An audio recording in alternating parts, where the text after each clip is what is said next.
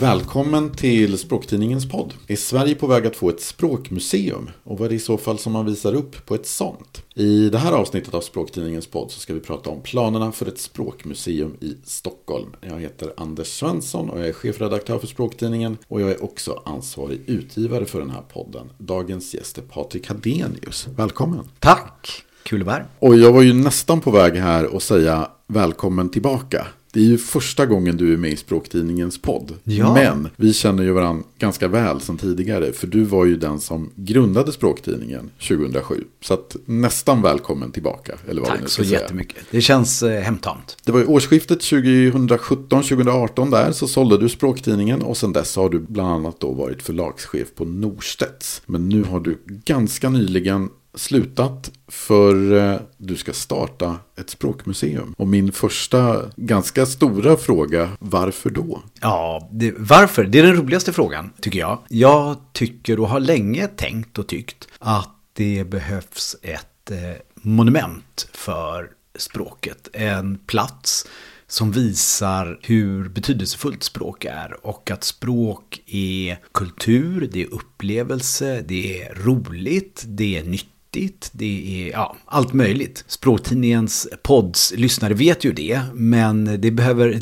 spridas bredare. Och det gör ju Språktidningen, det görs på många sätt med böcker och tv-program och radioprogram och så. Men det finns ingen fysisk plats. Det finns förstås utställningar på enskilda museer, det finns fantastiska liksom, små instanser här och där, men det finns inte en samlande plats. Och det tycker jag skulle behövas. Vad tror du den här samlande platsen kan ge som man till exempel inte får om man ja, då läser språktidningen eller följer, ja, läser språkböcker, full, läser språkspalter i medierna och sådär. Vad kan det här språkmuseet bidra med? Jag tror att det dels kan bidra med synligheten, alltså den fysiska synligheten. När medier blir allt mer digitala och Eh, och också utrymmet i hyllorna i eh, Pressbyrån blir mindre och sådär så syns eh, ju språktidningen mindre. Även om den är jättestor och har många läsare så är det ändå inte så tydligt längre med språk. Och en fysisk plats kan visa det, så man kan liksom se det. Det är en sak. Men sen är det förstås så att man, ju alla olika uttrycksformer har ju sina poänger. I en tidning kan man gräva på djupet ner i en artikel, i en bok kan man gräva ännu djupare ner i ett särskilt ämne och skriva om skiljetecken eller jätteviktiga språkfrågor eller andra saker. Och på ett museum kan man visa upp saker, göra, gestalta dem fysiskt. Och man kan också lyssna på dem samtidigt som man ser dem på ett annat sätt än vad man kan göra i en eh, text. Och inte minst viktigt, man gör det i grupp. Alltså på ett museum kan man förstås gå själv och strosa runt, men man kan också komma till ett museum i en grupp. Man kan vara där med sin dotter, eller med sin skolklass, eller med sin farmor, eller ja, du förstår, sin blivande fru kanske. Ja, dejtar på ett språkmuseum. Jag tycker det vore inte så tokigt va? Alla hjärtans dag på Språkmuseet. Ja, förstår du? Och så får man liksom läsa om eh, hjärtemojisarnas historia. Jag tror att vi har första utställningsidén klar här kanske. Men om, om vi tar det spåret förresten. Alltså vad, vad är det du vill kunna visa upp och ställa ut? Vad kan man tänka sig man visar på ett språkmuseum? Än så länge så befinner vi oss verkligen i lindan för vad det här museet ska bli. Så att allt jag pratar om nu är mycket drömmar, önskningar, förhoppningar som jag har. Men en förhoppning är att både kunna visa svenska språket och svenska språkets historia och utveckling och hur det har kommit att bli det det är, det jag pratar just nu. Hur, varför, varför ser det ut som det gör?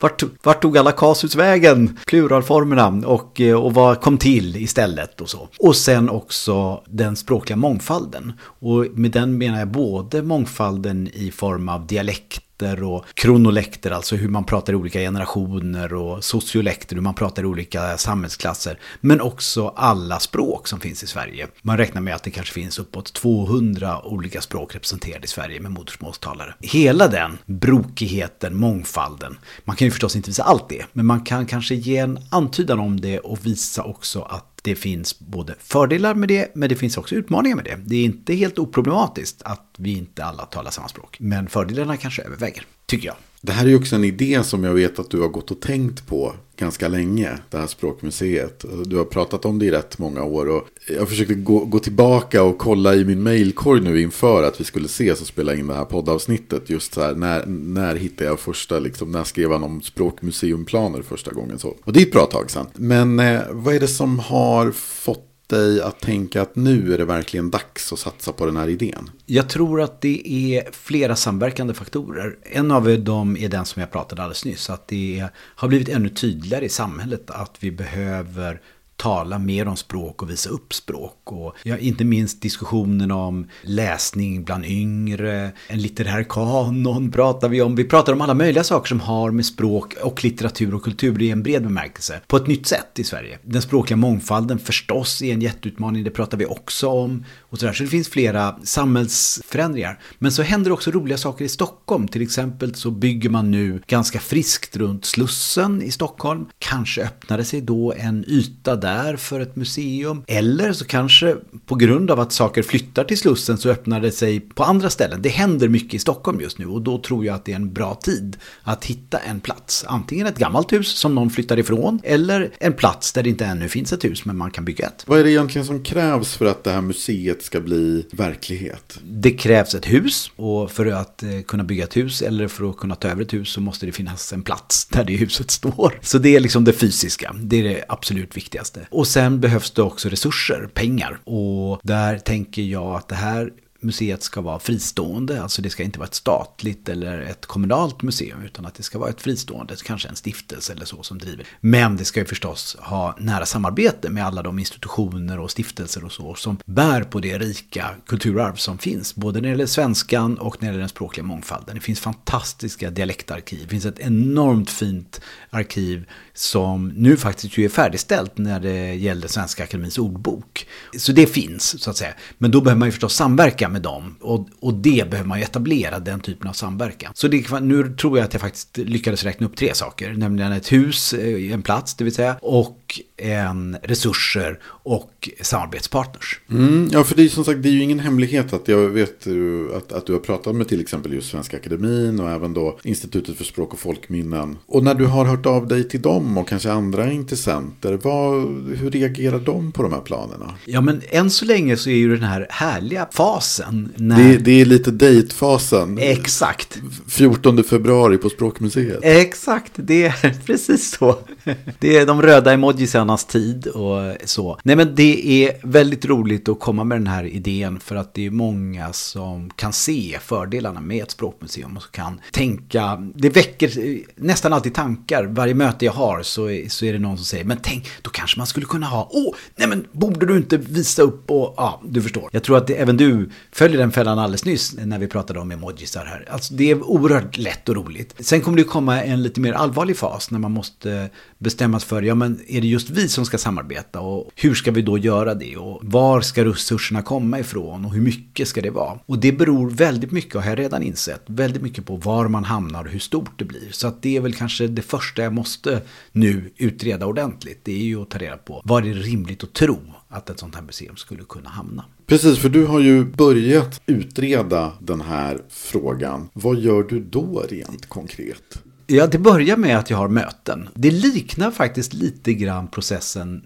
som var då 2006-2007 när språktidningen startade. Och det är att träffa väldigt många människor. Och varje gång man träffar någon så får man lite idéer, man sår små frön. Jag utvecklar min förståelse för vad det här skulle kunna vara och vad det kanske inte ska vara. Och jag möter människor som också gör det och på det sättet så sakta växer det fram en bild av vad det här skulle kunna vara. Och det är den fasen som man måste gå igenom först. Och den måste vara öppen. Det är liksom en, ja det är ju en härlig tid. För att den ska inte vara så begränsande. Man ska egentligen inte tänka så mycket på vad det inte ska vara. Utan man ska mer tänka på vad skulle det kunna vara. Och sen kommer en tråkigare fas. Det är då man ska bestämma sig för vad kan det inte vara och av olika skäl. När man måste liksom tygla drömmarna lite grann. Men den fasen, eh, tänker jag, man får inte hasta in i den fasen. Det finns, det finns en fara i, tror jag, att låsa sig. Till exempel bestämma sig för att, ja men det ska ligga där. Det, det måste ligga där. Eller det måste se ut så här. Det ska vara tre våningar högt. Herregud. Alltså det går inte. Och när jag säger samarbete med Svenska Akademin eller samarbete med Institutet för språk och folkminnen. Det vore jättehärligt. Men det är ingenting som varken de har lovat eller befäst. Eller vad jag ska säga. Utan det är ju någonting som vi pratar om.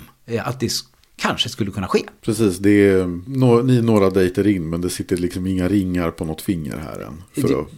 det, är en fantastisk liknelse tycker jag. Ja, mm. nu kommer jag dra den in absurdum här känner jag. En sak som jag blev lite nyfiken på, men du sa just här att, att du tycker att det här ska vara ett privat museum. Och ganska nyligen så snubblade jag över, det finns en Sverigedemokrat i riksdagen som heter Martin Westmont. Och han motionerade under hösten, det här är liksom inte någon fråga som har avgjorts, men det var en sån här enskild motion i riksdagen där han då just argumenterade för ett statligt språkmuseum. Och han skriver bland annat så här då, det svenska språket är en del av oss svenska kultur och en del av vårt kulturarv som vi ska värna och föra vidare till kommande generationer. Vi måste skapa mötesplatserna och tillgängliggöra dem för allmänheten. Där spelar museer en viktig roll och de bidrar även till att öka förståelsen bland de som har invandrat till landet om vår rika kultur och våra traditioner som går tillbaka flera tusen år i Sverige. Här skulle ett språkmuseum fylla det tomrum som idag finns kring information om det svenska språkets utveckling och dess påverkan på andra språk. Ett museum med fokus på det svenska språket skapar även ett nytt centralt forum för för språkhistorisk diskussion och forskning. Vad tycker du om de här tankarna? Ja, mycket av det stämmer ju med det som jag sa också, tycker jag. Så att det är helt rimligt. Och det är ju inte så att jag är ensam om den här idén, utan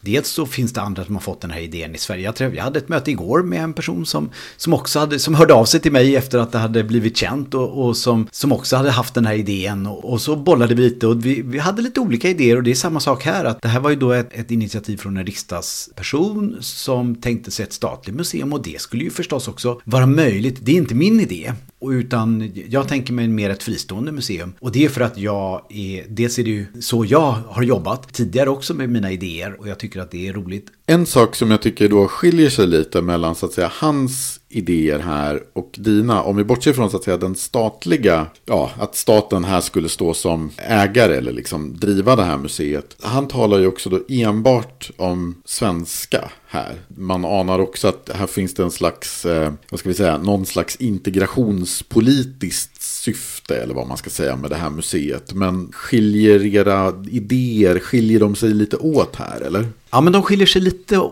åt på det sättet att jag tänker att det är en del av, av mitt drömmuseum. Jag tycker absolut att det är väldigt viktigt att belysa svenska språket och vikten av att vi har ett eh, enhetligt och eh, begripligt och allt vad det nu ska heta enligt språklagen, språk i Sverige. Vårdat enkelt och begripligt. Tack! Det behövs en eh, chefredaktör på språktidningen för att reda ut eh, hur språklagen formulerar det. Nej men det behövs absolut, men jag vill ju komplettera det med bilden som jag inte tycker står i motsats till det, utan som jag tycker kompletterar det, nämligen hur den språkliga verkligheten ser ut i Sverige. Både, ja, som jag pratade om tidigare, med den stora variation som finns. Och den måste man belysa också. Och den gör ju bara att museet blir ännu mer inkluderande och begripligt tycker jag. För att det speglar Sverige bättre. Men det är som sagt, det är ju min idé. Och jag respekterar verkligen en sån här idé. Och man kan tänka sig båda delar. Och om man tittar ut i världen. För det är ju inte bara så att det är fler än jag som har fått den här idén i Sverige. Utan det är också många som har fått den här idén ute i världen. Det invigdes nyligen ett språkmuseum i Frankrike. Det liknar nog mer den här modellen som eh, riksdagsledamoten föreslår. Ett eh, liksom ens, mer enspråkigt museum. Ett över franska språket i det fallet. Jag har inte varit där och tittat så jag vet inte exakt. Men, men av det jag har sett på nätet och det jag läst om museet så verkar det vara ett mer enspråkigt. Det finns också ett liknande museum i Sao Paulo i Brasilien över portugisiskan.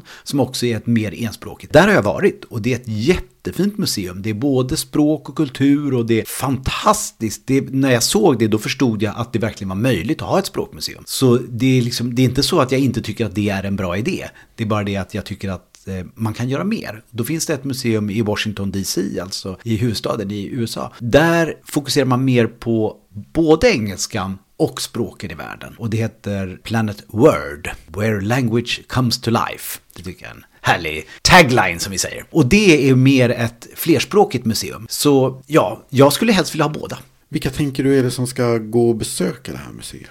Min dröm, det är att man kommer till det här museet för att man vill uppleva något kulturellt. Ungefär som man går till ett eh, konstmuseum, ett historiskt museum, ett ett fotografiskt museum, ett eh, folklivsmuseum, ett dansmuseum. Det är ju oftast inte, ja det kan ju vara för att man är särskilt intresserad av dans eller eh, folklivsfrågor eller så. Men rätt ofta går man ju på museer mer allmänt för att man har ett intresse av att berika sig, uppleva någonting, få en kulturupplevelse. Och det är min dröm. Det är att det ska ses snarare som ett museum. Och så handlar det om språk. Och det var min tanke även när språktidningen startade. Att det skulle vara en tidning Ja, så handlar det om språk. Så att man liksom kanske, ja, och sen är det dialekter, ja, och så handlar det om namn, och så handlar det om eh, en författare som har eh, en särskilt förhållande till språk. Eller så. Alltså det, det, språket kommer liksom lite grann i andra hand. Men det är ju förstås det som förenar ändå allting som är på museet, och det symboliserar ändå att språk eh, har en betydelse. Men en dröm är att man går dit för att att eh, få en upplevelse, för att berika sig kulturellt. Men sen finns det också andra specifika grupper. Jag tänker att elever och lärare kan komma eh,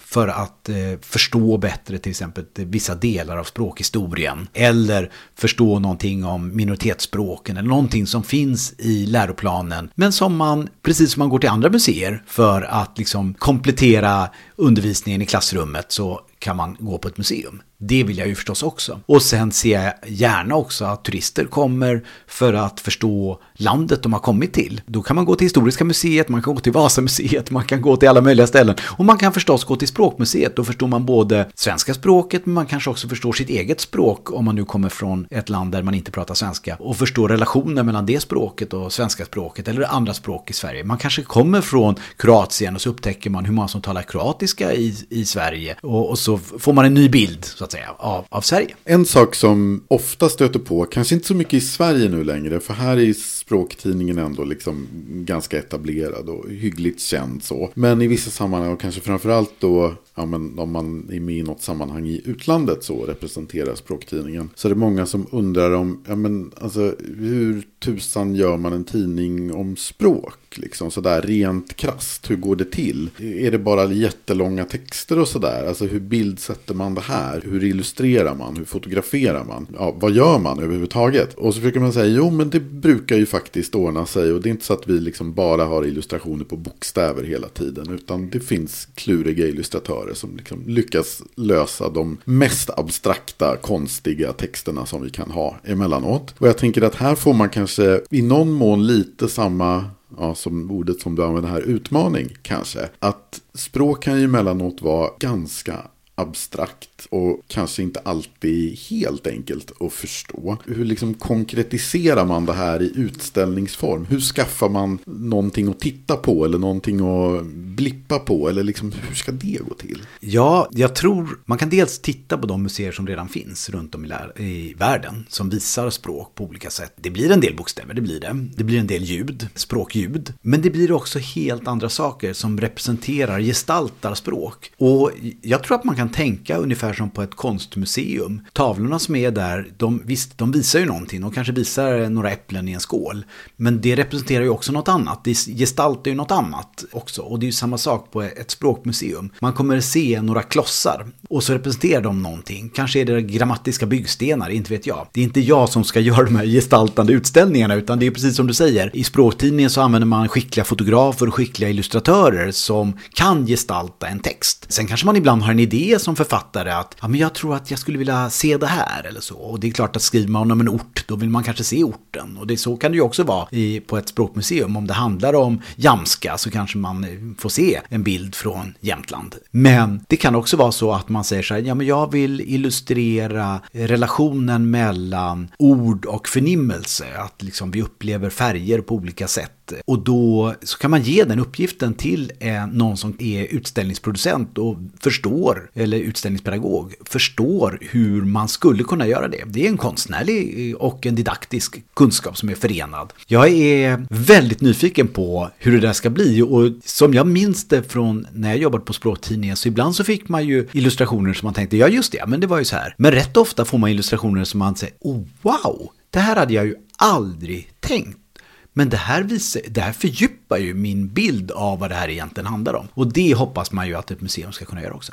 En målgrupp här som du tänkte dig var ju då förstås turister. Vad tror du krävs för att de ska gå och besöka ett museum som handlar om, ja, om det svenska språket, om språken i Sverige? Jag tror att det som krävs är lockande saker som de kan relatera till. Det kan vara saker som har med deras språk, deras modersmål eller de språk som finns i det land där de kommer ifrån. Och kan man visa på kopplingarna däremellan, det är en sak som kan locka. En annan sak som kan locka är ju, det finns ju många roliga företeelser i svenskan som man kan locka med och som har påverkat kulturellt andra länder. Så här precis nu när jag sitter och pratar, då tänker jag ju på ombudsmän och smörgåsbord och sånt där. Men det finns ju förstås andra saker mer, som har påverkat mer djupt kulturellt. Kan man liksom visa upp det? Alltså vikingarnas framfart och hur den även var en språklig framfart. Hur fönster, window, ja, du vet. Det, är liksom, det finns ju den typen av påverkan som har skett med ortnamn och